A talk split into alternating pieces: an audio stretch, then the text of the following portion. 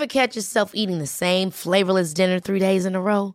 Dreaming of something better? Well, HelloFresh is your guilt-free dream come true, baby. It's me, Kiki Palmer.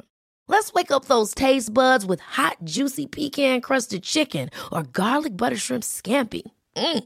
Hello Fresh. Stop dreaming of all the delicious possibilities and dig in at HelloFresh.com. Let's get this dinner party started. Life is full of what ifs. Some awesome, like what if AI could fold your laundry? And some, well, less awesome, like what if you have unexpected medical costs? United Healthcare can help get you covered with Health Protector Guard fixed indemnity insurance plans. They supplement your primary plan to help you manage out of pocket costs. No deductibles, no enrollment periods, and especially no more what ifs. Visit uh1.com to find the Health Protector Guard plan for you. Millions of people have lost weight with personalized plans from Noom, like Evan, who can't stand salads and still lost 50 pounds. Salads, generally, for most people, are the easy button, right? For me, that wasn't an option. I never really was a salad guy. That's just not who I am. But Noom worked for me. Get your personalized plan today at Noom.com. Real Noom user compensated to provide their story. In four weeks, the typical Noom user can expect to lose one to two pounds per week. Individual results may vary. I can discuss some of the psychological aspects of the case. You've got to get a hold of yourself. Now look here, Johnson, I'm going to get to the bottom of this. I can discuss some of the psychological aspects of the case. And you're really crazy, you know that? Oh, yes, I remember that. Is this any concern of yours? Stop, stop, stop it now, I mean it. Du må ikke tro på hjernen din. Den lyver. Vi er jo mennesker fulle av nevroser. Det som gjør oss til sjarmerende idioter. Discuss some of the I can discuss some of the I can discuss some of the psychological aspects of the case. We don't have very long.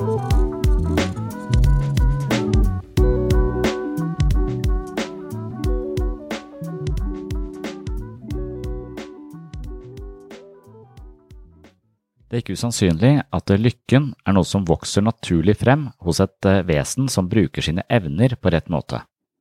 Lykken er ikke noe man kan bygge opp til det en dag står fiks ferdig, det er snarere noe som følger menneskets virksomhet når det virkeliggjør sin natur. Lykken er heller ikke først og fremst en fornemmelse eller en følelse, men noe langt mer objektivt. Lykken kommer når man lykkes, det vil si når livsevnene virker som de skal. Dette sa professor Trond Berge på Filosofifestivalen i 2018. I dagens episode skal jeg nok en gang tilbake til fenomenet lykke. Jeg er ganske sikker på at jeg aldri blir ferdig med dette temaet, og derfor vil jeg nok hjemsøke denne podkasten med jevne mellomrom. John Stuart Mill har fått meg til å tenke at det kanskje finnes eh, ulike nivåer av lykke. Han sa nemlig, det er bedre å være et misfornøyd menneske enn en fornøyd gris, bedre å være en ulykkelig Sokrates enn en tilfreds idiot. Skulle idioten eller grisen være av en annen mening, er det fordi de bare kjenner sin side av saken. Jeg ville helt klart heller vært eh, Sokrates enn en tilfreds idiot, og heller et misfornøyd menneske enn en fornøyd gris. Dette skulle kanskje tilsi at lykke ikke er det beste man kan oppnå. Eller kanskje er det slik at potensialet, ikke bare for lykke, men for en dyp og inderlig mening i livet, er større i et komplisert sinnelag, og derfor at Sokrates har bedre forutsetninger for å leve et langt rikere liv enn en gris som gasser seg med epler i sola. Jeg vet ikke helt hva man skal tenke om lykke, og derfor kommer nok en episode hvor jeg skal tenke videre på nettopp dette temaet.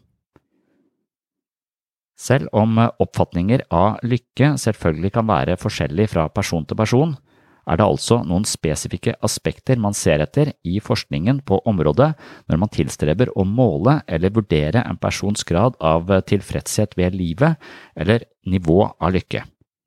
Disse såkalte lykkefaktorene inkluderer følelsen av at du lever det livet du ønsker, opplevelsen av å ha gode relasjoner, en følelse av mening og mål, og ikke minst forutsetningene for å oppnå det du ønsker i livet noe som også kalles for mestringstro. I tillegg dreier det seg om en grunnleggende følelse av å være fornøyd, noe som også innebærer en generell opplevelse av å ha mer positive enn negative følelser. En viktig ting å huske er at lykke ikke er en tilstand av konstant eufori. I stedet er lykke en generell følelse av å være tilfreds i livet. Man skiller ofte på gledelige øyeblikk som kommer og går, og en mer gjennomgripende følelse av mening og tilfredshet ved selve livet. Sistnevnte er nok det de fleste ønsker seg, men mange lever et liv i jakten på euforiske eller ekstatiske øyeblikk, men denne jakten på noe som er såpass forgjengelig, er som regel mer slitsomt enn meningsfullt, og det konstituerer neppe den beste måten å leve på. De menneskene som rapporterer å leve et såkalt lykkelig liv, har fremdeles en stor andel av følelser som sinne, frustrasjon, kjedsomhet, ensomhet og tristhet. Men selv om disse følelsene naturlig nok opptrer i livet, får de ikke lov til å overskygge alt annet, og selv om man befinner seg i en vanskelig situasjon eller livskrise med mye smerte, kan disse såkalt lykkelige menneskene fortsatt rapportere og leve et lykkelig liv. Når de står overfor ubehag, har de likevel en underliggende følelse av optimisme om at ting vil bli bedre, at de kan håndtere det som skjer, og at de vil kunne føle seg bedre på et senere tidspunkt. Lykke er unektelig et finurlig tema, og hvis man har som mål å leve et lykkelig liv, blir man visstnok mindre lykkelig. Å jage eksplisitt etter lykke er dermed ingen anbefalt strategi. Men hva skal man egentlig gjøre? Jeg vender tilbake til temaet i dagens episode, og som sagt er det sannsynligvis en tematikk som vil hjemsøke denne podkasten så lenge den lever. Velkommen skal du være til en ny episode av Sinnsyn. Oh, I'm just losing my mind, that's all.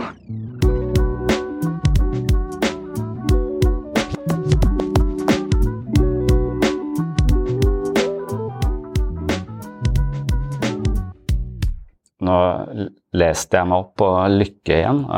Stort sett alt jeg leste, syns jeg var ganske platt eller selvfølgelig. Så jeg vet ikke helt hvorfor jeg ble litt Jeg var litt lei av lykke.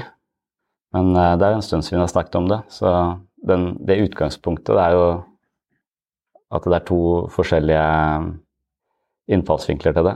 Og når jeg snakket om lykke sist, så var det i forbindelse med denne filosofifestivalen som var for et par år siden.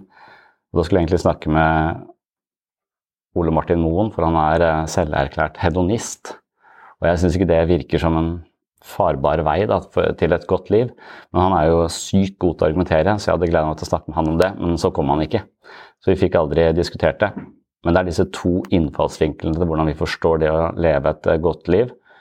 Og det ene er da hedonia, som, som er denne ideen om at målet i livet er å oppnå velbehag og vellyst, på en måte. Så vi søker hele tiden etter å ha det bra, og så unngår vi eh, smerte. At det er veien til at Det er en hedonist tenker. Jeg skal bare mest mulig maksimere velbehag og minimere ubehag. Det er eh, motivasjonen. Så du skal ha det bra og være glad og føle godt.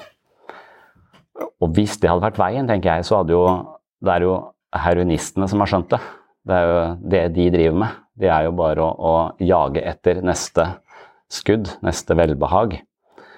Og sånn sett utenfra så virker det ikke som om de har den beste oppskriften på å leve et, et godt liv. Jeg har sett Petter uteligger, og jeg tenker at det, det finnes sannsynligvis bedre strategier.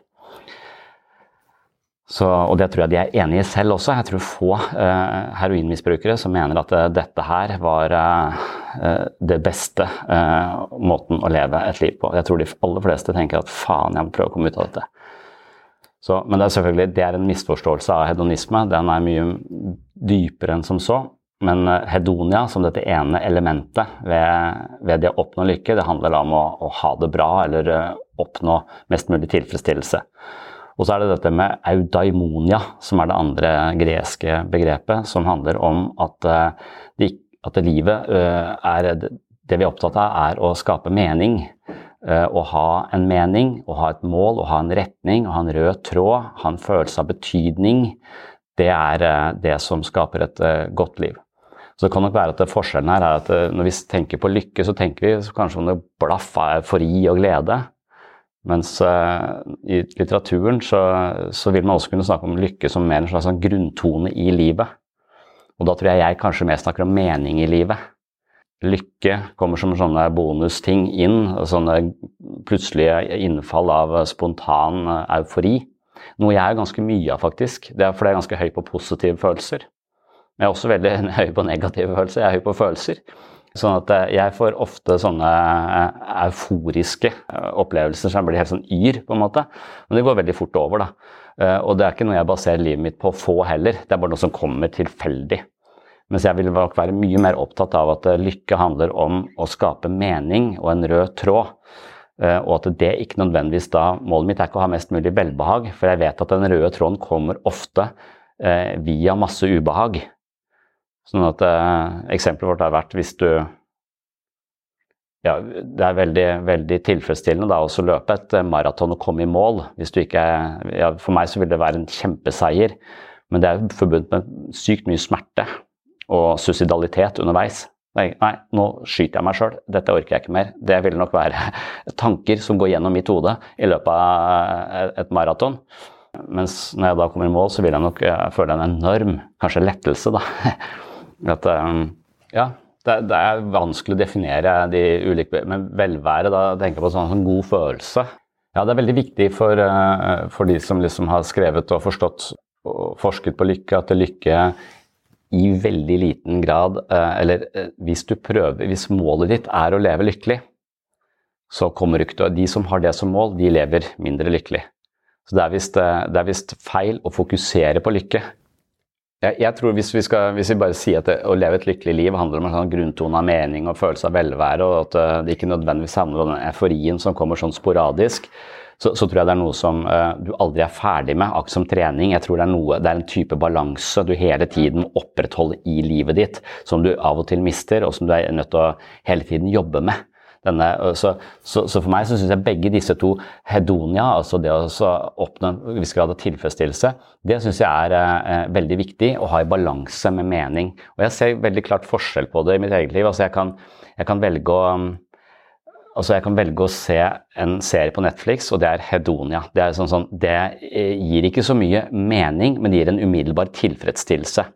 Men jeg kan heller sitte og prøve å skrive et kapittel i en, i en bok. Eh, noe som ikke gir en sånn uh, umiddelbar tilfredsstillelse. Det er kanskje litt tungt og vanskelig, og du stanger huet i veggen, men det gir på lang sikt mening.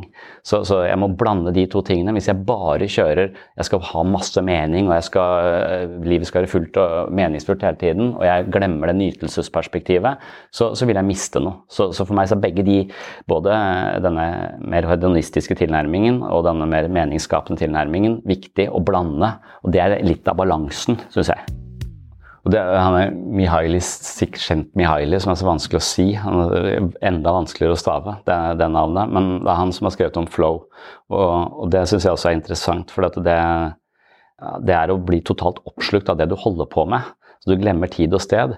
Og på sett og vis så glemmer du deg sjøl. Altså, du, du, vil ikke lenger um, være grublende til stede og 'dette er ikke bra'. Du vil ikke være i en sånn dialog med et strengt superego.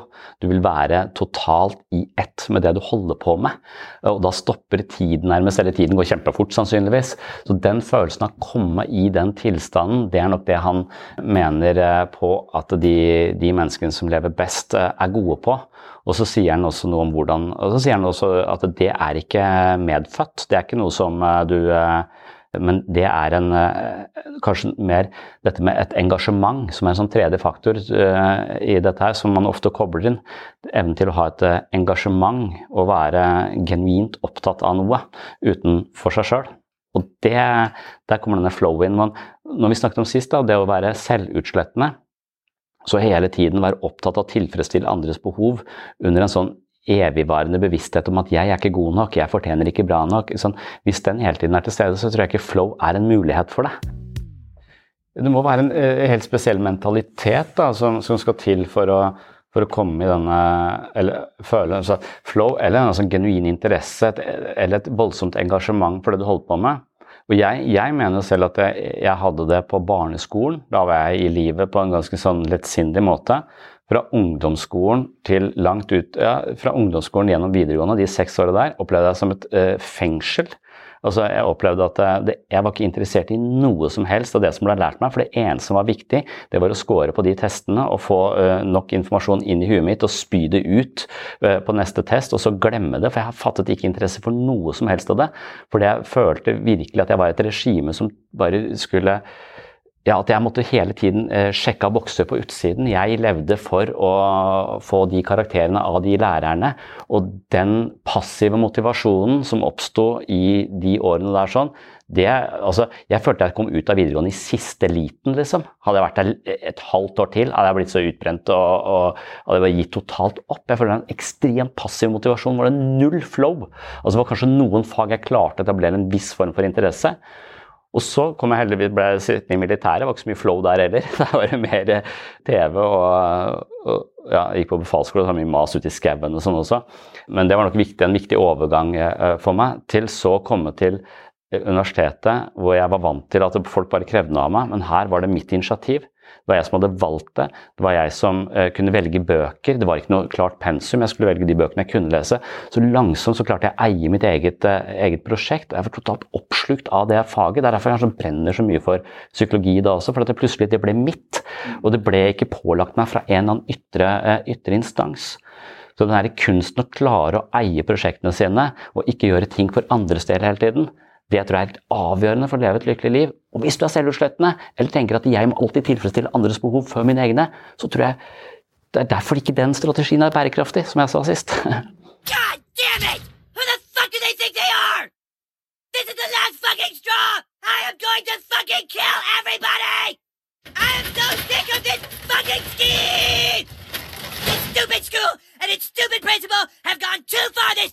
Oh, you think I'm overreacting again, huh? No, not this time!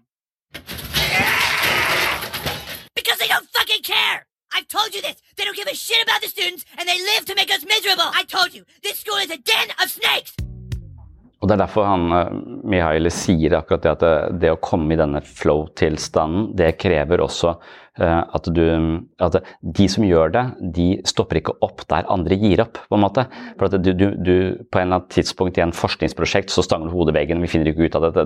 Nei, jo, det er et eller annet, det er et eller annet, det er et eller annet. Så de bare gir seg faen ikke.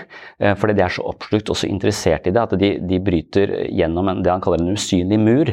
Og på baksiden av den usynlige muren så åpner det seg helt nye. Akkurat som med eh, musikk. altså Du kan høre et album, og så, hvis det sitter med en gang, så går det på MP3, og alle liksom eh, nynne med. Men hvis det er litt vanskelig tilgjengelig, så må du jobbe med det ganske lenge, for så plutselig så åpner det seg noe.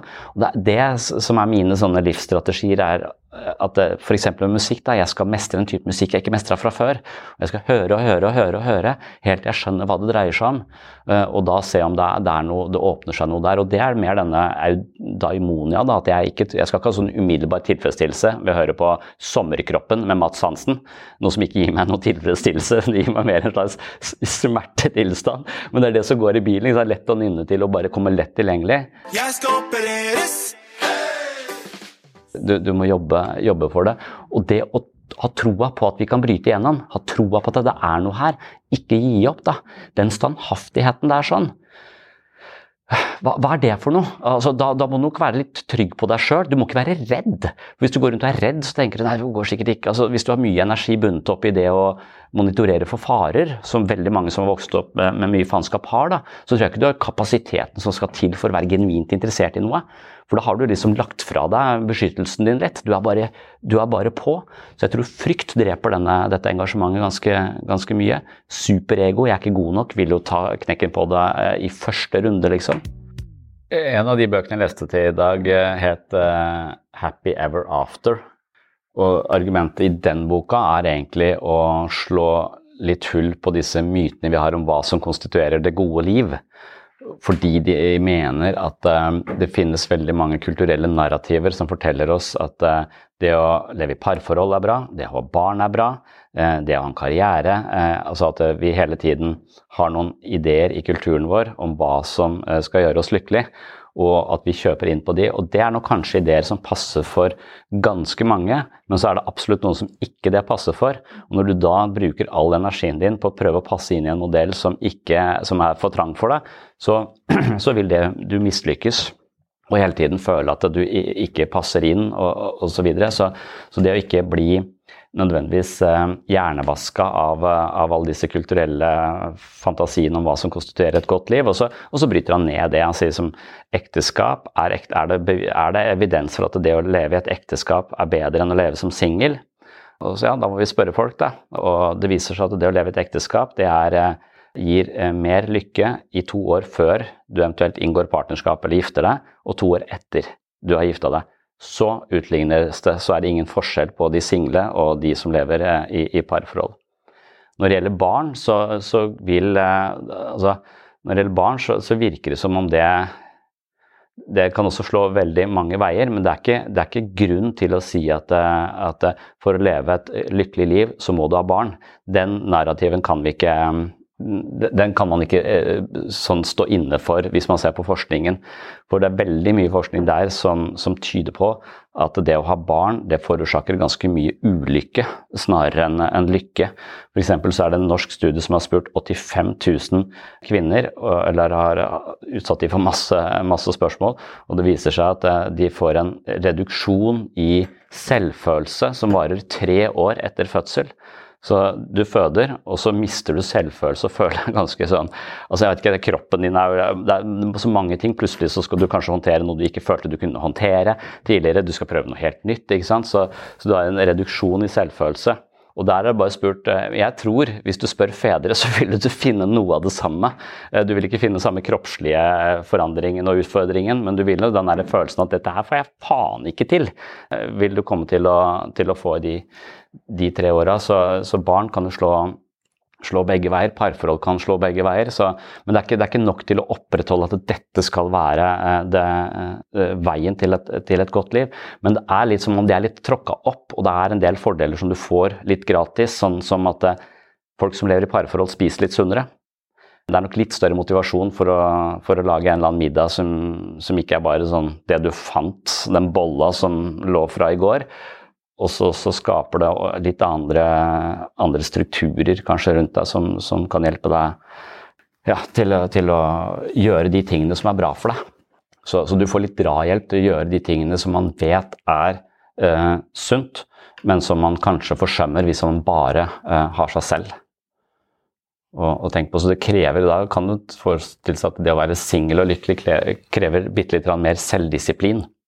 Men eh, når det gjelder hva som ligger bak de ulike mm, tingene, så, så er det Jeg fant tall på dette. De mener at det, det, å leve, det å ha et lykkelig liv, det er 50% gener, 10% flaks og 40% måten du lever på, måten du tenker på, holdningene dine. Så da kan man si at det er 50% genetisk. Han, Mihaili, kjent Mihaili, han mener vi kan transcendere genene våre ved å bare For han mener at vi genetisk sett er disponert for å bare oppnå en umiddelbar behovstilfredsstillelse eh, på bekostning av langsiktige mål. Men vi kan ved innsikt transcendere det og holde ut istedenfor å bare hive oss på den der. Så han mener det er mulig å transcendere noe av dette genetiske. Mens, eh, mens de 10% flaks, altså livsomstendigheter som ikke du kan uh, noe for, det, det, står jo for en del. Men så er det disse 40 da, som, som vi kanskje kan gjøre noe med. For det handler om hvordan du lever livet ditt og hva slags holdninger du har. Og spesielt hva slags holdninger du har. For, og, og, der er denne Tetris-studien som jeg syns er eh, interessant. for at hvis du dette vet jeg ikke hvordan de fikk gjennom en sånn etisk råd eh, med forskning, men de, de, satt folk Det er folk som gjør det sikkert uansett. Da. De satt folk til å spille Tetris i tre dager i strekk. Altså ikke hele tida, men de spilte Tetris sykt mange timer hver dag i tre dager i strekk. For å se om det påvirket persepsjonen deres på noen måte. Og hvis du utsetter folk for så mye Tetris, så vil de begynne å gå rundt i byen og så snu bygninger på hodet og sånn, visuelt. og så, hvis jeg setter den bygningen sånn og setter den sammen sånn Så de begynte å tenke Tetris i byen. Og så begynte de å, sortere frokostblandingen avhengig av farge og ikke sant? De drømte om det, de så bygninger på denne måten. De sa den burde stått sånn. og sånn at, de, så at det påvirket hele persepsjonelle det, Hele måten de tenker på så verden på. ikke sant? Og der er det jo da det er en positiv Tetris-effekt og en negativ Tetris-effekt. For det betyr bare at det, hvis vi bruker oppmerksomheten vår på en bestemt måte, så vil det påvirke hele eh, operativsystemet vårt. Og da, hvis du er en person som går rundt og ser etter potensielle farer, eller ser etter folk som kan le av deg og mobbe deg, for det er det du er vant til å monitorere for hele veien, så vil jo det også gi deg denne negative Tetris-effekten, at det vil, det vil farge hele livet ditt. Men hvis du da eh, motsatt går rundt og ser etter muligheter og ser etter ting som er gøy osv., har denne lekne, er trygg nok til å være leken og interessert, så vil det også påvirke hele hele systemet ditt. Så det henger litt sammen disse 10 tilfeldigheter. Men de 10% tilfeldighetene de kan nok påvirke disse 40% av hvordan du oppfatter din verden og deg selv. Så, men der er det også mulig, i og med at du kan spille Tetris og fucke opp huet ditt, så kan du kanskje også bruke hodet ditt og fokuset ditt på en konsekvent måte som også vil komme til å påvirke det. Ja, nei, men Psykologisk Tetris er, er egentlig altså de den, den, viktigste psykologiske tetrisen, den, den, den selvhjelpsstrategien som har uh, mest vind i seila, og som viser seg å fungere best, er sånn takknemlighetsdagbok, som høres ut som en klisjé. Sykt mange studier som får folk til Tusenvis av mennesker skal skrive hver kveld før de legger seg. Noen skal skrive noe helt nøytralt. Noen skal skrive om noe faenskap som har skjedd den dagen, som har irritert dem. Og noen skal skrive om noe de er, de er takknemlige for. Og, og, og, der er det ganske himmelropende forskjeller. Det er helt signifikant at de som bruker et par måneder på å legge merke til ting som er bra, de endrer også noe i fokuset, så det blir annet, en annen opplevelse av, av, verden. Så det er en positiv Tetris-måte å uh, hjernevaske seg sjøl på, da, som har effekt. Uh, jo, jeg tror det, med å skrive ned. Det er bare rett og slett for en, en praksis uh, på det. For det er lett å glemme, og det liksom er liksom luftig hvis vi bare går rundt. Så det er vel å, materialisere en eller annen teknikk da, som, som vi kan bruke i, i, livet vårt for øvrig. Ja, ja. Ellers så blir du sittende her, får du ikke sove. Så det, faen, jeg klarte det ikke. Ryan Reynolds here from Mint Mobile. With the price of just about everything going up during inflation, we thought we'd bring our prices down. So to help us, we brought in a reverse auctioneer, which is apparently a thing. Mint Mobile unlimited premium wireless. Ready to get 30, 30, bit to get 30, bit to get 20, 20, 20, bit to get 20, 20, bit to get 15, 15, 15, 15 just 15 bucks a month. So, Give it a try at mintmobile.com/switch. slash $45 up front for 3 months plus taxes and fees. Promo for new customers for limited time. Unlimited more than 40 gigabytes per month slows. Full terms at mintmobile.com. Cool fact a crocodile can't stick out its tongue. Also, you can get health insurance for a month or just under a year in some states. United Healthcare short term insurance plans, underwritten by Golden Rule Insurance Company, offer flexible, budget friendly coverage for you. Learn more at uh1.com. Hey, it's Ryan Reynolds, and I'm here with Keith, co star of my upcoming film, If, only in theaters, May 17th. Do you want to tell people the big news? All right, I'll do it. Sign up now and you'll get unlimited for $15 a month in six months of Paramount Plus Essential Plan on us. Mintmobile.com slash switch. Upfront payment of $45 equivalent to $15 per month. Unlimited over 40 gigabytes per month. Face lower speeds. Videos at 480p. Active Mint customers by 531.24 get six months of Paramount Plus Essential Plan. Auto renews after six months. Offer ends May 31st, 2024. Separate Paramount Plus registration required. Terms and conditions apply if rated PG. Det er mange som rapporterer at den måten å prøve å hjernevaske seg selv på også blir en sånn, sånn, pliktløp. At de gjør dette bare av plikt, og at det er bare noe de må gjøre. Og de bare finner, og så syns det er kjipt å skrive det samme om og om igjen, så de prøver å finne på noe nytt. Men det kan jo være da en måte å utvide fokuset sitt litt på, som hva som egentlig har mulighet til for takknemlighet er jo det motsatte av å føle seg tilkortkommen eller mangle noe. Og det å hele tiden mangle noe, aldri være i mål, som jeg tror hele kulturen vår installerer en idé om at vi er ikke der vi skal være. Vi burde vært der, vi burde vært der, vi burde vært der, vi burde gjort det. Så vi, vi, vi fòres med ideer om at vi ikke er tilstrekkelige, men at vi eventuelt kan kjøpe noe som gjør oss tilstrekkelige. Så det å føle en form for glede ved noe, det er, det, det er en måte å hacke hele systemet vårt på også. Kapitalismen, rett og slett. At vi, er, eh, at vi kan være fornøyde der vi er og sette pris på ting vi har, istedenfor hele tiden være fokusert på hva vi mangler, eller hva som ikke er godt nok.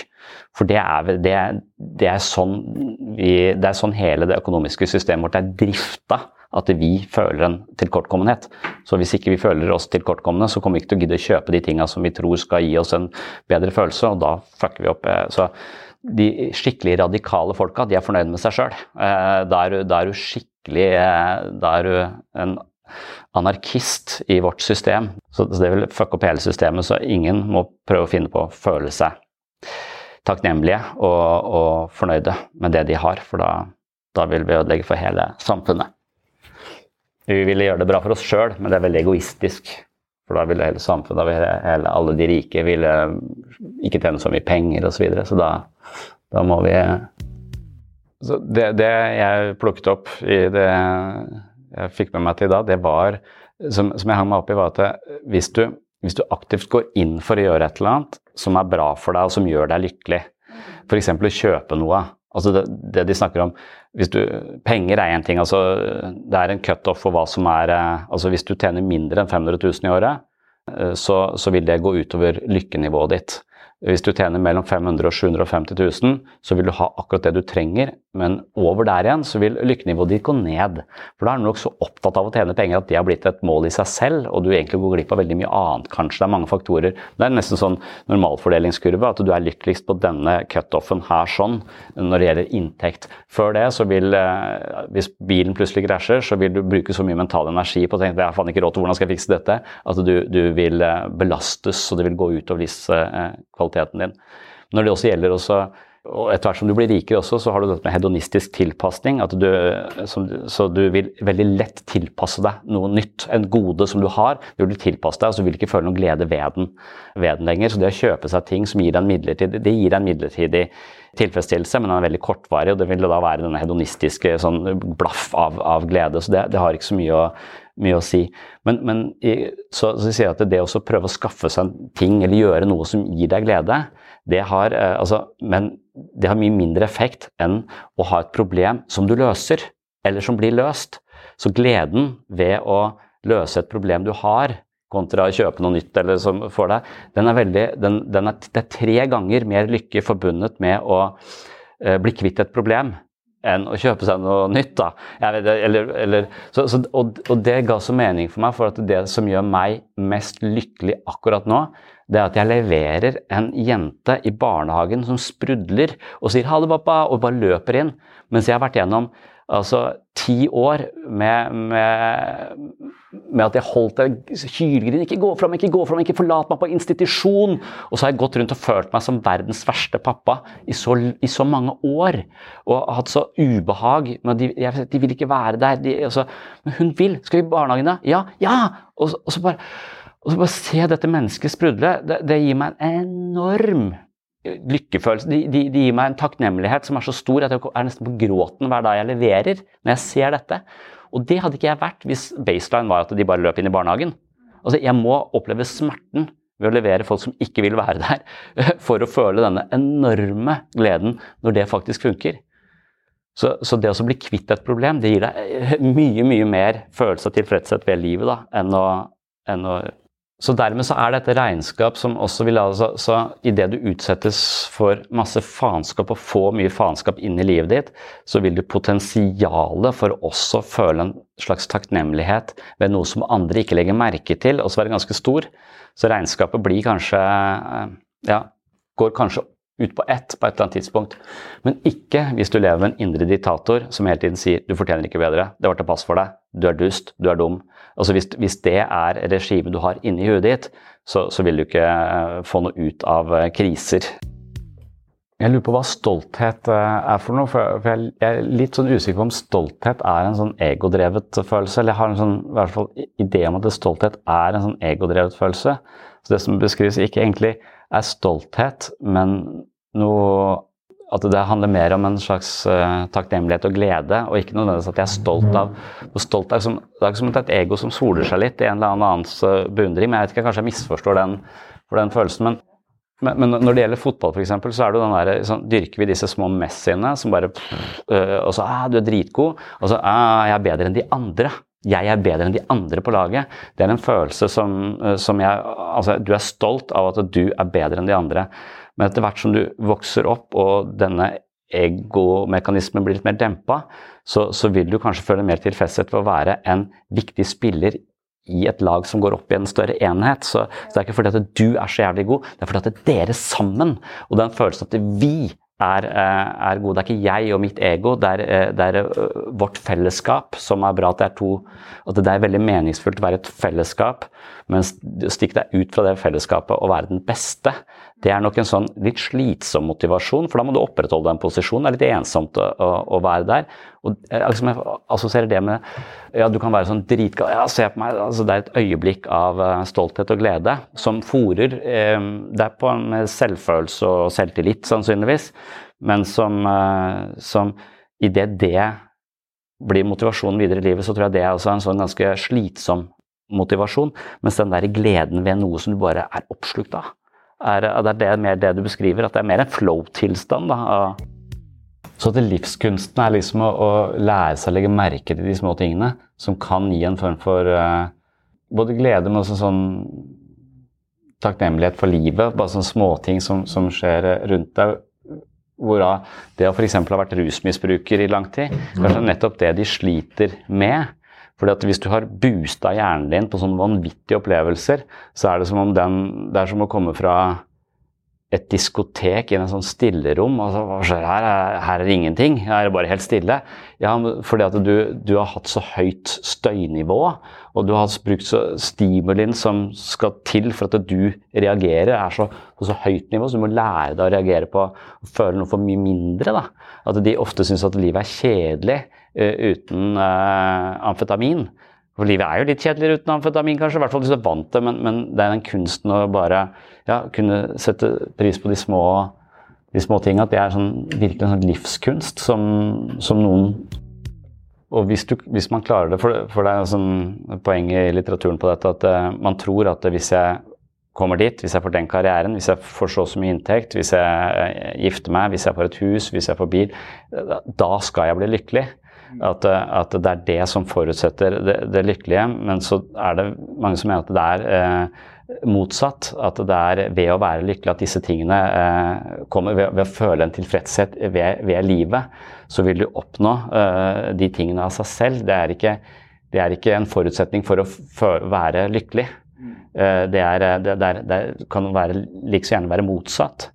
Og så er det også noe med disse ideene vi har om at vi skal komme dit og komme dit for å bli lykkelige. Så ser man også på at det, man tenker at det å ha ja, Halvparten av alle amerikanere mener at det å være rik er eh, likestilt med å være lykkelig. Du er nødt til å være rik for å være, være lykkelig. Og du er nødt til å ha høy status. Og høy status, så, har man undersøkt at det stemmer det at folk i eh, posisjoner med høy status er lykkeligere enn andre. Og så viser det seg at de rikeste bedriftslederne i, i USA eh, scorer litt lavere på tilfredshet ved livet enn sekretærene deres. Noe som er et eh, paradoks. Og så er spørsmålet f.eks. det å være advokat blir sett på som ganske sånn flott. 63% av advokater svarer at de har et uh, godt liv. 84% av de som jobber i blomsterbutikk, har et godt, et lykkelig liv. Så blomsterhandler kontra advokat, vi ser jo på en ganske stor forskjell i status på de to. Eller jeg, jeg synes det også, Hvis du virkelig brenner for blomster, så er det helt fantastisk. Altså, det virker som, som de har skjønt noe av de små, småtingene. Men at det også er eh, ja, at det er ikke nødvendigvis at disse statusene det vil ikke føre. Det er, det er en sånn kollektiv misforståelse vi har, som jeg tror alle egentlig har skjønt at det ikke er helt sant. Men jeg tror likevel vi influeres av. Du tenker at bare skal jeg komme dit, bare få gjort det, bare kommer dit, så skal det bli eh, bli bra, men det har ikke kanskje så mye med det Men, men hele, den, eh, hele, den, holdningen eh, der sånn, som vi snakket om sist også, det at eh, det er mer depresjon i byene, kanskje fordi de er såpass mette av kulturtilbud, at de har konsumert så masse sushi og teater at, at de har blitt eh, trøtte på livet, nærmest.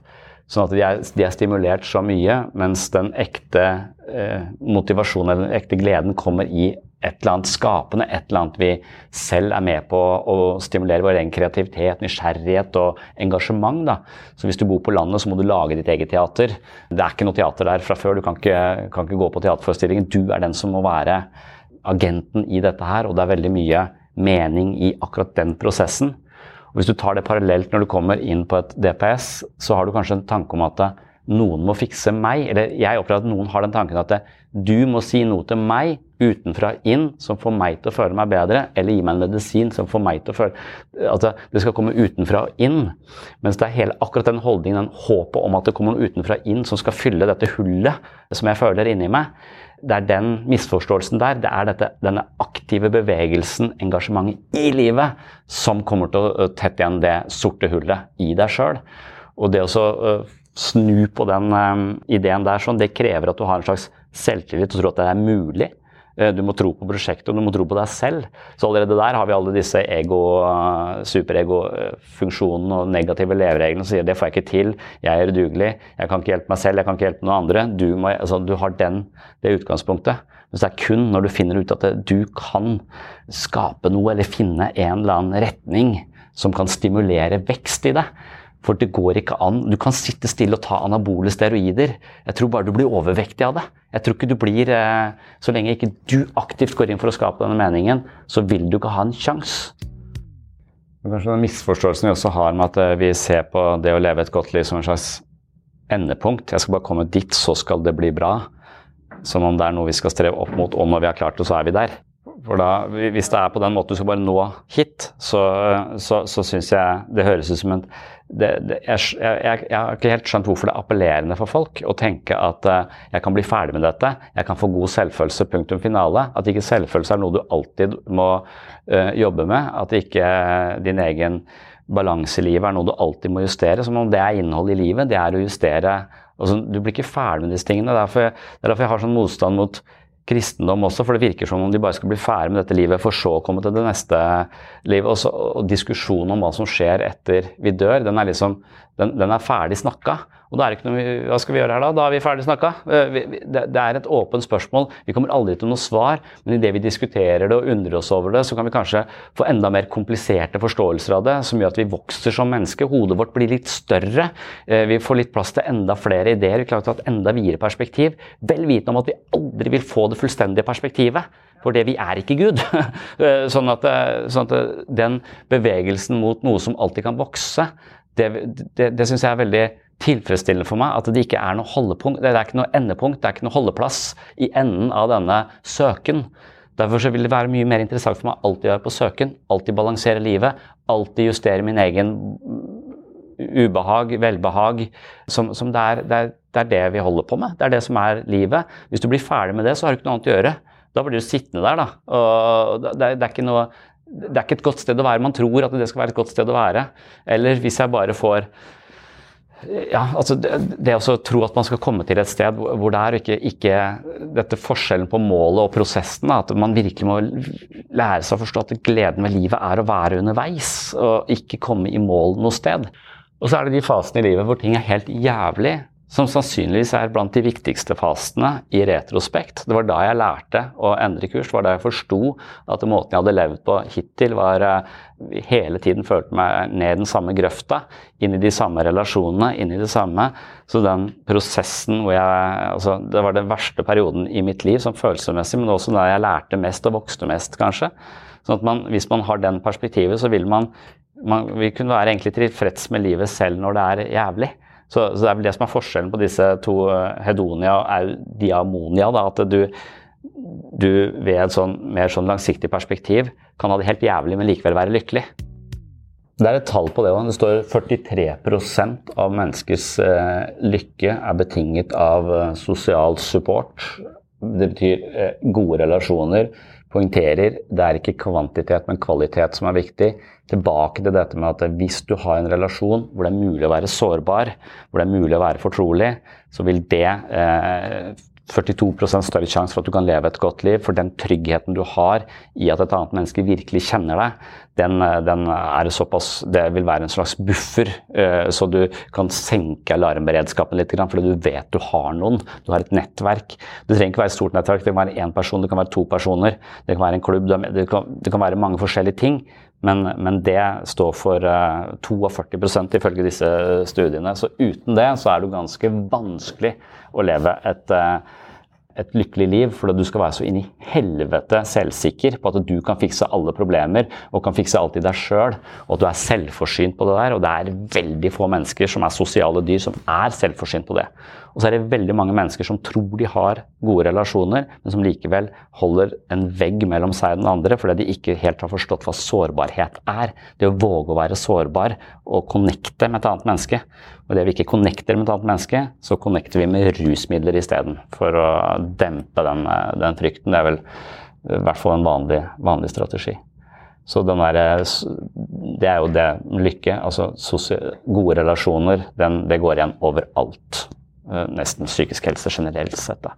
Og det er nok der skoen trykker for mange, for de skjønner ikke Eller de har, en, de har nok opplevd at det å være sårbar på et tidlig tidspunkt har straffa seg. Du ble tråkka på, du ble ledd av osv. Så, videre. så på en eller annen måte skjønner du at du skal holde alt for deg sjøl. Og da blir du et menneske som ingen egentlig kan kjenne. Du blir fremmed etter hvert kanskje for deg sjøl, men også for andre. Så selv om du tilsynelatende har gode relasjoner, så er de bygd på en sånn type samspill som er konstruert. Det er ikke nødvendigvis ekte, og det, det besørger ikke den tryggheten da, som en god relasjon, god relasjon skal. Og Det er, det er finurlig hva, det der, hva det der er for noe. Og at man klarer å finne disse likestilte relasjonene hvor, hvor man kan gi og ta og, og, ja, og reparere de når, de når de kommer i ubalanse. Og språket for å reparere de når de kommer i ubalanse, og osv. For så lenge du ikke har det, så kan det virke som om du kan jobbe så mye med kognitiv psykologi og gjøre et eller annet sånn tetrisk triks i livet ditt ved å tenke helt annerledes. Men så lenge den underliggende frykten er at du har en følelse av å være totalt alene i verden, så, så tror jeg ikke du, du, vil oppnå det. Og en annen ting med denne fremmedheten, som, jeg også tror er en del av vårt samfunn, og som jeg leser hos Karl Marx, er jo denne ideen om at kapitalisme og den måten bedrifter vokser på og blir så store, istedenfor å være blomsterhandler da, som reiser ned til Nederland for å besøke ulike rosefarmer eller hva det er for noe, være med på hele prosessen, en følelse av helhet i det man jobber med, så har vi eh, på en måte gjort ting så fragmentert så man er bare et tannhjul i et større maskineri. og Man forstår ikke det hele maskineriet, man skal bare gjøre akkurat denne tingen. Eh, og Det er det man skal utføre. Og så forstår man ikke det hele, og da, da, da blir man fremmedgjort i systemet. og man, man, har en følelse at man, er en, eh, ja, at man er en ting som bare skal utføre en oppgave, og så får man betalt for det. Så man er, man er liksom litt prostituert. Eh, man har prostituert seg selv. Og jeg tror ikke at prostitusjon er en Eh, jeg vet at det er det eldste yrket, men jeg tror likevel det å være sammen med en person du elsker, er annerledes å være sammen med en person som bare har betalt deg for å være sammen med deg. Og at det er litt det å elske jobben sin og se helheten i det. Og ikke bare er der for å tilfredsstille de, de, og de kravene og gjøre det og det fordi du får lønn. Det sier de ofte til meg. Ja, du får lønn den tolvte, så bare, gjør, uh, bare fyll ut alle de her jævla journalene. Jeg, er ikke her for å jeg, jeg, skjønner at jeg må ha en lønn, men jeg er her for helt andre ting. Jeg er, er her for å skape mening sammen med andre folk. Det er viktig for meg i mitt liv. Jeg er ikke her bare for å fylle Så, så den, den der følelsen av å skulle være en brikke og styrt i, i og, og da totalt ubetydelig også. Så jeg tror, tror liksom du kan jobbe i butikk og bare stå der og få beskjed om dette er dine hyller, det skal du ha ansvar for. Eller du kan være liksom en del av altså, Meny Albert, der er det folk som har jobba veldig lenge, og de har en slags tradisjon i det. Det er som De eier de, de har en slags stolthet i butikken eh, sin. og de, Det virker som flere av de som jobber der, kjenner alle systemene og eier dette. Så jeg føler en glede ved å være der, selv om jeg syns Meny er litt dyrere enn en, en Rema. Altså. Men det er liksom du kan være på en arbeidsplass på forskjellige måter. og Jeg tror du må se de store linjene for et eierskap til at dette er mitt prosjekt, dette er jeg stolt av, dette skal jeg, vi sammen drive videre. Og ikke bare være en brikke. Så, så, jeg tror når du skal da prøve ut folk i arbeidslivet, så du skal bare stå der, og så skal vi se hvor lenge du klarer å pakke de eh, sekkene oppi de pappkassene. Og så se Ja, du klarte i tre dager. Da er du eh, 40 ufør. Uh, altså, hva, hva, det, det, er ingen, ingen, som kan måle en persons arbeidsevne hvis ikke du kommer inn, blir en del av et miljø, finner et engasjement, en eller annen mening i dette her. Og det er ikke sikkert alle jobber har noe sånn det, ja, det, det, det, er nok, det er nok mange som uh, er nødt til å jobbe med ting som de ikke helt ser meningene og i og med at samfunnet er såpass fragmentert at ingen egentlig skjønner hvordan ting fungerer. Uh, de bare, altså, ingen skjønner hvordan en telefon fungerer. Det er et fåtall, men mange produserer ulike deler til de. Så det å se det hele bildet Jeg tror mange er, har den typen jobb, og da må du kanskje bare finne meningen på et annet sted, kanskje på, på, på fritida di. Men jeg tror også det i mye større grad enn, en vi tenker er mulig å se verdien av det man holder på med. Så, øh, selv om den yrket nødvendigvis ikke blir sett på som et høystatusyrke. Altså, bare det, du, du nevner at det er reint her. altså Hvem er det som gjør det? Hvordan har det vært her hvis ikke vi hadde hatt de som går rundt og gjør reint her sånn? Det ville vært forferdelig. Vi hadde ikke orka å være her. ikke sant? Det er kanskje den viktigste jobben som gjøres. Og, og, hun som driver med det, hun har veldig mye stolthet i at det, det, er alltid jævlig fint her i disse lokalene. For hun er jævlig flink til å holde det rent. Og det, det, er, og det, er, jo også sånn Det hadde ikke Det er litt sånn som hvis du bare leverer barn i barnehagen som har det greit så, så, er det baseline. Her er det rent, så det er baseline. Men la oss si at hun kutta ut i, i 14 dager. Da. Da, tror hadde, da tror, jeg vi hadde, fått den følelsen av hvor takknemlige vi er for at det er rent her. Men det må du nesten du må vrenge litt på fantasien din for å for å sette deg inn i den skitne scenarioet, for så å sette pris på det, på det rene scenarioet. Og jeg tror Det er vanskelig, det er ikke noe vi driver med sånn til vanlig. Vi er nødt til å oppleve. Og nå har det akkurat lukta helt jævlig uti her. Så jeg tenkte, for faen, det er Derfor så har jeg begynt å sette pris på de som vasker jeg vet ikke, Det er et eller annet dødt dyr eller et eller annet som ligger eller at noen hater oss og har gjemt reker et eller annet sted. For det er det jeg eh, lurer på. For jeg syns det lukta litt sånn i bilen min òg. Så jeg tror etter hvert det er noen som hater meg.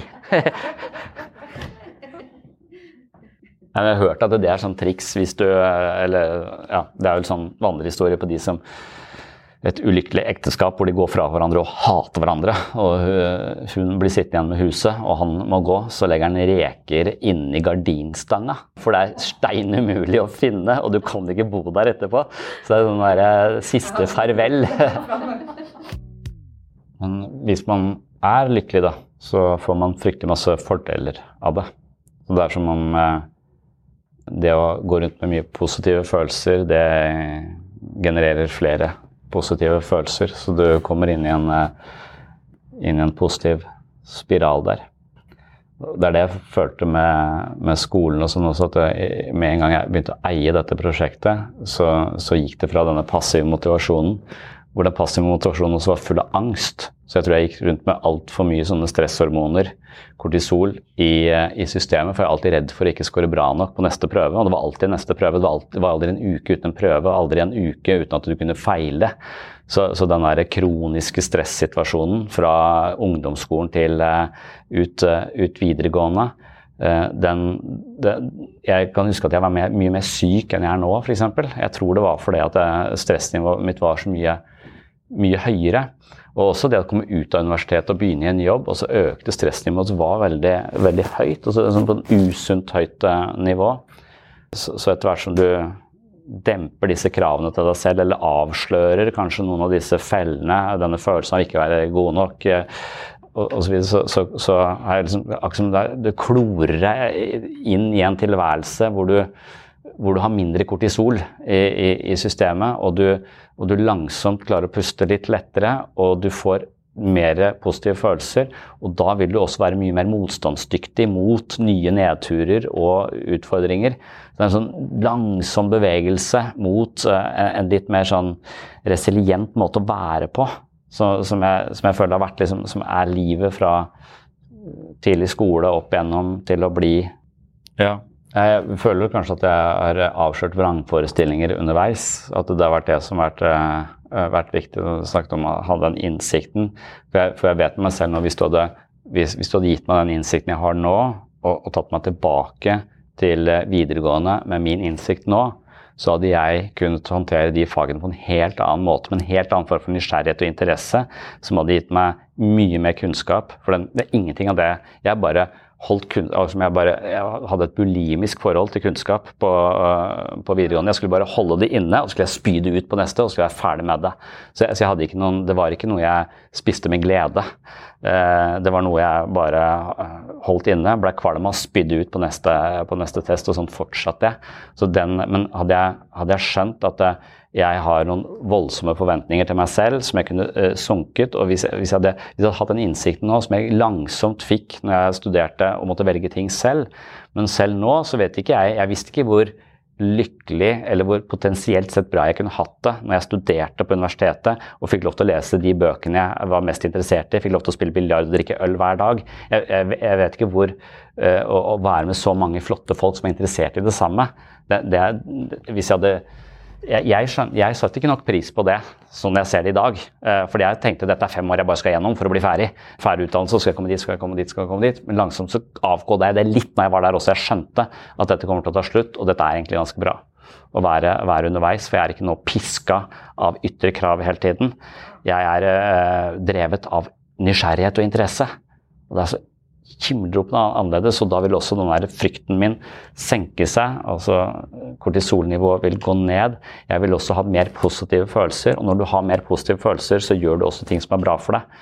Du, du, er, du lever sunnere, du spiser sunnere, du trener mer. Du gjør Det graviterer i riktig retning, da. Så selv om vi ikke skal ha lykke som et mål, for hvis lykke blir et mål, så blir du mindre lykkelig. Så er det en eller annen med denne bevegelsen også klarer å finne en måte å vokse på som er din egen. Og som ikke er diktert av en eller annen falsk forventning der ute, eller eh, en eller annen superstreng idé om hvem du burde være og skulle vært og eh, ikke foreløpig er. Men hvis du kan finne et eller annet som, eh, som ikke, også ikke sammenligner deg med ting utenfor deg selv, så, så, med en gang du driver med sammenligning med andre, så er det også ganske fucked. For du vil alltid finne en som er bedre enn noe, eller hva, hva det skal være. Så, så, så, det må være å sammenligne seg med den man selv var i går, kontra med andre mennesker som får til alt. For det er også den største fella uh, vi kan gå i. Det er jo, helt, uh, det er jo ingen som Ja, alle gjør det. For det er akkurat det som kjennetegner de uh, folka som han uh, Mihaili har intervjua. Han har intervjua 100 nobelprisvinnere. Fordi han, mener, han tenkte hva er det med disse menneskene som virkelig er kreative og har funnet ut noe helt nytt i verden? Så er det et slags fravær av ego som er, eh, som er kjennetegnet. Så de drives ikke av ære og berømmelse, de drives av en genuin interesse for det de holder på med. Og når de da får Nobelprisen, så er det jævlig ubeleilig, for da må de reise til Sverige og ta den imot. Eh, og da må de jo utsette den. Så det er på en eller annen måte Det kommer, som, det kommer som en sånn forstyrrende ting. Nei, det passer liksom ikke. Altså, uh, og, og da, er ikke, da, er det helt tydelig at det er ikke nødvendigvis ego Det er ikke den rockestjernefantasien. Se på meg, jeg, er, jeg eh, har skjønt kvantefysikk, liksom. Det er, ikke, det er, ikke, det det. er denne vanvittige nysgjerrigheten som er drevet av noe annet. da. Men, men hva, hva det, om, om, det Han mener jo det er tilgjengelig for alle, da, men jeg uh, men, men, det kreative når han, han, snakker om disse folka som liksom virkelig har skjønt og de, de er ikke egodrevet, de er ikke ute etter ære og berømmelse. De er, de er innit for, for, at de er så genuint interesserte, ikke for noen sånn ego-ting. Ego jeg tror vel de fleste tingene vi holder på med, er en blanding av det. Sånn, jeg har brukt Magnus Carlsen som eksempel. altså Han hadde ikke blitt så god hvis ikke han hadde genuin interesse for spillet. Men det er nok også kult for han å vinne over Nakamura. Eh, men vinne over Nakamura er en litt mer hulere motivasjon. Og de gir en sånn midlertidig hæ-hæ, jeg er vant over deg. En sånn midlertidig blaff av lykke. Fordi at du, du knuste erkemotstanderen din. Men denne nysgjerrigheten på å oppdage nye mønstre i dette spillet som ingen før har sett, og bare være på helt upløyd mark, jeg tror det er det som, som driver han eh, er nødt til å drive han, for hvis ikke så tror jeg du blir utbrent. Men om det er tilgjengelig, hvordan blir du, sånn Magnus, hvordan blir du så interessert i noe som Magnus Carlsen er eh, i, i, sjakk? Altså, hva, hva, er det med de som virkelig får til denne meningsskapende aktiviteten? Det har nesten vært rød tråd helt siden jeg var barn at du det er skal vi se, se bort fra kanskje de aller viktigste turneringene hvor man kanskje prepper litt ekstra, så er det jevnt over alltid lystbetont når du setter deg med sjakkbrettet. Det er ikke sånn uff, ja ja, får vel ta dagens økt. Ja, nei uh, i, aller, i, aller høyeste grad. Uh, som, som, du sier, det er, uh, det er, jo, det er jo, turneringer, spesielt, spesielt, VM, da, hvor du trenger et annet nivå av mm. forberedelser og Mer intenst. Og, og, og, nye ideer og sånn. Men nei, ellers så har det vært i stor grad um, um, lystbetont. Og veldig lett å uh, feiltolke som, uh, som, uh, som, latskap og mangel på disiplin, hvis, hvis, du, ikke, hvis du, ikke, kjenner meg. da. Ja, hvor legger du det? For det, det, det snakka du med i en annen podkast også, for du er ikke en sånn og er det egentlig vanlig, spør jeg da, fra å være sånn ni til fem sjakkspiller, at du legger inn timen og er liksom som en strukturert forfatter, på en måte, at du legger inn dagsverket? Er det, er det vanlig blant sjakkspillere? For det er jo åpenbart ikke du, da. Uh, jeg vil ikke si at Jeg tror ikke det er normen. Jeg vet om mange som gjør det. Uh, men det er, ja, det er, mange som også som er som, uh, som meg mm. på, på, det der. Um, altså Caruana, da, som har vært nummer to i verden nå i mange år. Han for eksempel tror jeg er i stor grad som, uh, som meg uh, på den måten. Uh, treneren hans snakka om at uh, det var som Det var umulig å liksom tvinge ham til å gjøre noe som helst. Det, måtte, det måtte komme fra ham.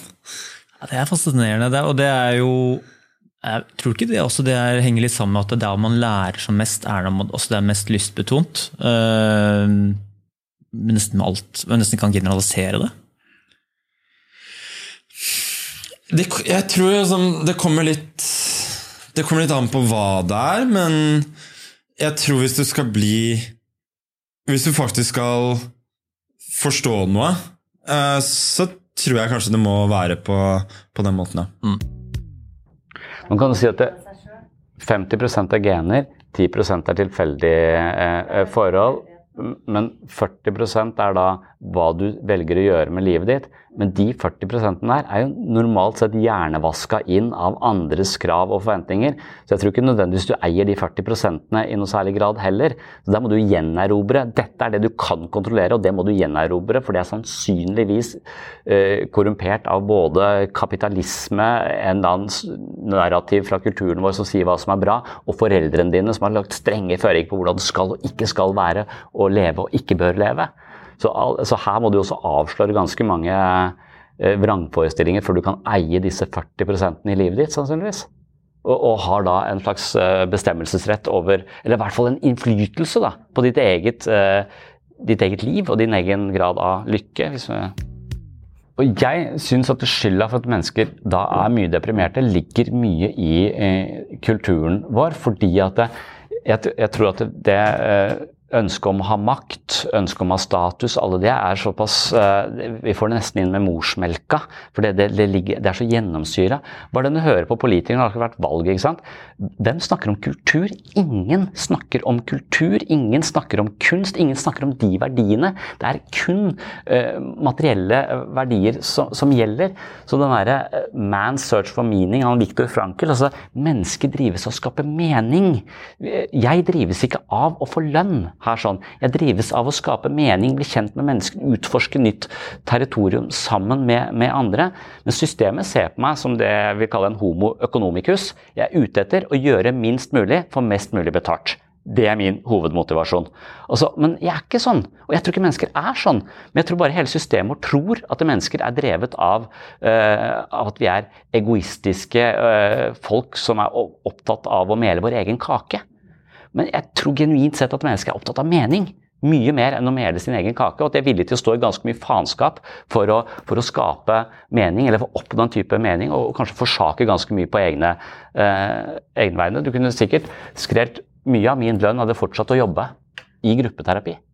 For, eh, for det er ikke Jeg hadde blitt forbanna, men eh, jeg hadde eh, Det er ikke Det er så klart det er en drivkraft. Du, du må ha en inntekt, for ellers så kan jeg jo ikke Men, men men, men, det ligger en slags idé om at vi er late slabbedasker som må holdes i ørene og kontrolleres. Og, for vi, ikke, vi, gjør ikke jobben vår fordi den er meningsfull, vi gjør det fordi eh, vi får betalt, og vi kommer til å sluntre unna hvis ikke de eh, holder oppsyn med oss.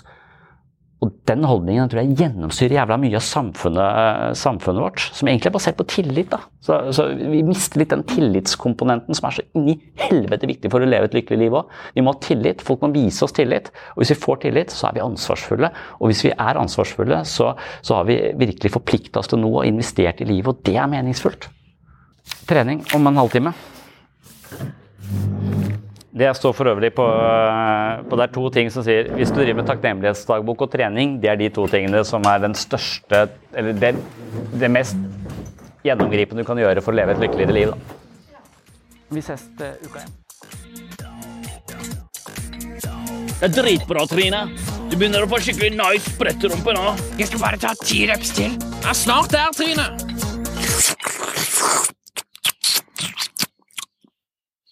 Æsj, så stygge og tjukk du er. Du burde jo bli med og trene.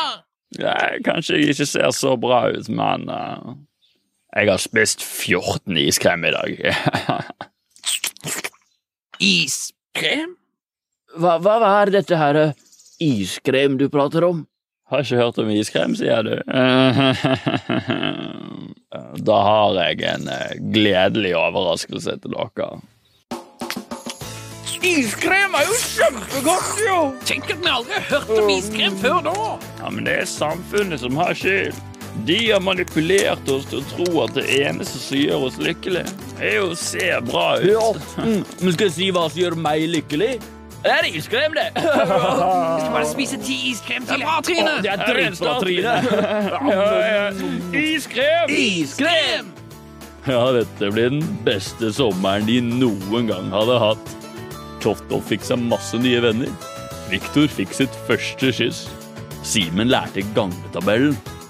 Trine fikk diabetes og døde. Ja, takk for eh, følget. Takk for at du hører på Sinnssyn. Det var det jeg hadde i denne omgang om lykke. Men lykke er som nevnt en tematikk jeg har drøfta flere ganger i mange episoder her på Sinnssyn. Jeg har blant annet posta to øvelser om mulighetene for å leve lykkelig på patron.com for slash sinnssyn. Det er øvelse 15, Den lykkelige balansen, og øvelse 26, Vitalitetspanelet. Inne på Patron er det også en eh, egen eh, episode om lykke, og jeg har laget en miniserie i fire deler som er et slags videoforedrag om eh, det å leve et lykkelig liv. Og disse øvelsene de dykker altså videre ned i lykkens psykologi og peker på at et eh, lykkelig liv består av gleder, men at gleder alene ikke nødvendigvis gjør deg tilfreds. Man må også gjøre noe som er meningsfullt, selv om det ofte er vanskelig og slitsomt. Noen aktiviteter gir livet mening, retning, stimulerer kreativitet og aktiverer skaperkraft. Disse må vi ta vare på og aktivt vedlikeholde, men hvordan? Vil du vite mer om det, kan du melde deg inn på mitt mentale treningsstudio. Her kan du betale et selvvalgt beløp per måned og få tilgang til masse ekstra materiale fra denne podkasten. Du finner mange ekstra episoder av Sinnssyn, videoforedrag og bøkene mine som lydbøker og en rekke øvelser som er mynta på å styrke våre mentale muskler. Er du en som finner verdi her på sinnssyn, vil støtte prosjektet og hjelpe meg å holde sinnssyn flytende, så vil du altså gjøre dette ved å være abonnent på mitt mentale treningsstudio. Og som takk for støtten som abonnement, så får du altså masse mer sinnssyn hver eneste måned, og stort sett hver eneste uke. Så hvis du er interessert, stikk innom Patron-siden min og skaff deg tilgang umiddelbart. Ellers er det også flere episoder om lykke her på denne åpne podkasten. Jeg har for eksempel episode 41, altså langt tilbake i sinnssyn-katalogen. Den heter På jakt etter lykke og på flukt fra seg selv. Det er et opptak fra Human-Etisk uke i Kristiansand, hvor jeg skulle holde et foredrag om lykke og det å flykte fra seg selv. Og I denne episoden så får du da være med til biblioteket i Kristiansand. Der er det fullt hus og mange som lurer på hvordan man kan bli lykkelig. En annen episode som tar for seg denne tematikken, det er episode 144, og den heter Positiv psykologi og hva er lykke? Det er mange måter å forstå lykke på, men de vanligste posisjonene gjemmer seg i dette spørsmålet. Er det bedre å være en ulykkelig Sokrates enn en lykkelig gris? Da skal vi også tilbake til den tematikken. I episode 148, som heter Lykkelig på Filosofifestivalen 2019, og da ser jeg at det, ja, jeg sa vel tidligere at den festivalen om lykke var i 2018, men det stemmer altså ikke, det var i 2019. Filosofifestivalen i Kragerø hadde lykke som tema. Og der var jeg, og da snakket jeg blant annet om eh, hva man egentlig kan si om lykke uten at det blir lavpanna vrøvl. Det forsøkte jeg å finne ut av i Kragerø under mitt innlegg på filosofifestivalen der oppe på Løkka. Og jeg har enda flere episoder om lykke på sinnssyn her. Episode 150 her på podkasten heter Slik er de lykkeligste menneskene. Og der handler det om de som anvender et modent forsvar i møte med motgang og følelsesmessig smerte, har mer suksess på jobb og lever tilsynelatende et lykkeligere familieliv enn de som henfaller til mindre modne forsvarsmekanismer. Så Der ser jeg altså på menneskets psykiske forsvar, og hvilken type forsvar som da borger for et lykkelig liv, og hvilke type litt mer primitive forsvarsstrategier som ofte gjør livet ganske anstrengende, slitsomt og problematisk. Og så har du episode 182 som heter Hva kjennetegner de lykkeligste av oss? Det er forska en del på lykkelige mennesker, og da er spørsmålet hva kjennetegner dem? Kan man utvikle egenskaper som gir oss et bedre liv, er spørsmålet der. Og i episode 183, eh, De lykkeligste er ikke opptatt av lykke, heter den, og der eh, snakker jeg om hvordan det kan virke som om lykke er en bivirkning av å gjøre meningsfulle ting, mestre livet, investere i relasjoner, sette seg mål og følge sine ambisjoner. Så her er det mye å ta hvis du er interessert i dette fenomenet lykke. Det var det for denne gang. Takk for følget, og velkommen tilbake i neste episode, eller på gjensyn inne på patron.com for segs sinnssyn. Tjallabais! Oh, oh, I'm just losing my mind, that's all.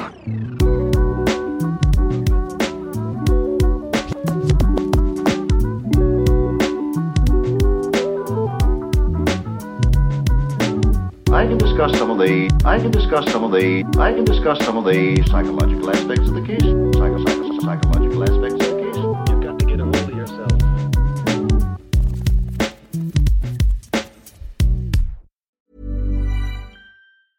Hi, I'm Daniel, founder of Pretty Litter. Did you know cats tend to hide symptoms of sickness and pain? I learned this the hard way after losing my cat, Gingy. So I created Pretty Litter, a health monitoring litter that helps detect early signs of illness by changing colors, saving you money and potentially your cat's life. Pretty Litter is veterinarian developed, and it's the easiest way to keep tabs on your fur baby's health right at home. Go to prettylitter.com and use code ACAST for 20% off your first order and a free cat toy. Terms and conditions apply. See site for details. Hey, it's Paige DeSorbo from Giggly Squad. High quality fashion without the price tag? Say hello to Quince. I'm snagging high end essentials like cozy cashmere sweaters, sleek leather jackets, fine jewelry, and so much more. With Quince being 50 to 80% less than similar brands. And they partner with factories that prioritize safe, ethical, and responsible manufacturing. I love that. Luxury quality within reach. Go to quince.com slash style to get free shipping and 365 day returns on your next order. Quince.com slash style. Ever catch yourself eating the same flavorless dinner three days in a row? Dreaming of something better? Well, HelloFresh is your guilt-free dream come true, baby. It's me, Kiki Palmer. Let's wake up those taste buds with hot, juicy pecan-crusted chicken or garlic butter shrimp scampi. Mm. Hello Fresh. Stop dreaming of all the delicious possibilities and dig in at HelloFresh.com. Let's get this dinner party started.